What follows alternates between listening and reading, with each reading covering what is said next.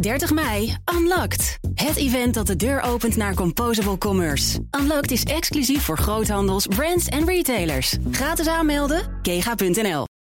De column van Marianne Zwagerman. Jesse Klaver worstelde zich in Nieuwsuur door een vuurlinie van kritische kiezers heen. Net als RTL kiest Nieuwsuur ervoor echte mensen vragen te laten stellen aan de lijsttrekkers. En juist die vragen halen de politici uit hun evenwicht. Een mooi contrast met het beeld van de vorige verkiezingen, waar tijdens meetups uitzinnige fans aan de lippen van de Jessias hingen.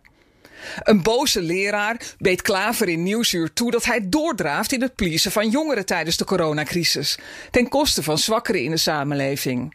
Nog leuker werd het toen een oud GroenLinks-politica uit Amsterdam hem dwong zich uit te spreken tegen de omstreden bomenverbrandingsoven in Diemen.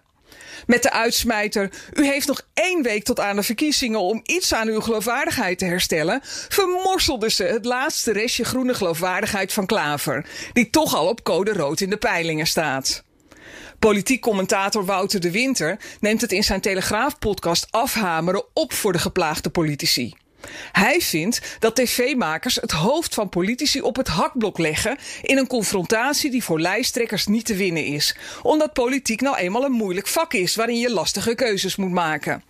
Onzin natuurlijk. Nieuwsuur en RTL trekken de boze kiezers heus uit effectbejacht voor de camera's, maar lopen hiermee ook de gaten dicht die de coronacrisis trekt.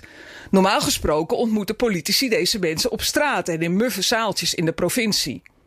De Telegraaf had beter ook iets interactiefs kunnen organiseren. In plaats van het sleetse format van de verkiezingskrant, gemaakt door de lijsttrekkers.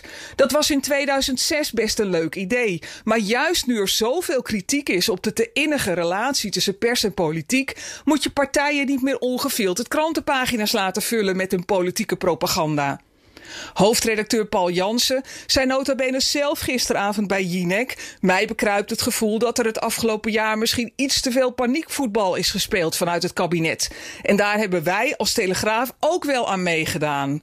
Daar had ik liever een beschouwing over gelezen... dan 15 pagina's geleuter van de gasthoofdredacteuren. Maar goed, nu weten we wel dat Geert zijn snoetje en pluisje op de Telegraaf laat kakken. Want NRC komt zijn kattenbak niet in... omdat daar altijd een luchtje aan zit. Dat is ook wat waard. 30 mei, Unlocked. Het event dat de deur opent naar Composable Commerce. Unlocked is exclusief voor groothandels, brands en retailers. Gratis aanmelden, kega.nl.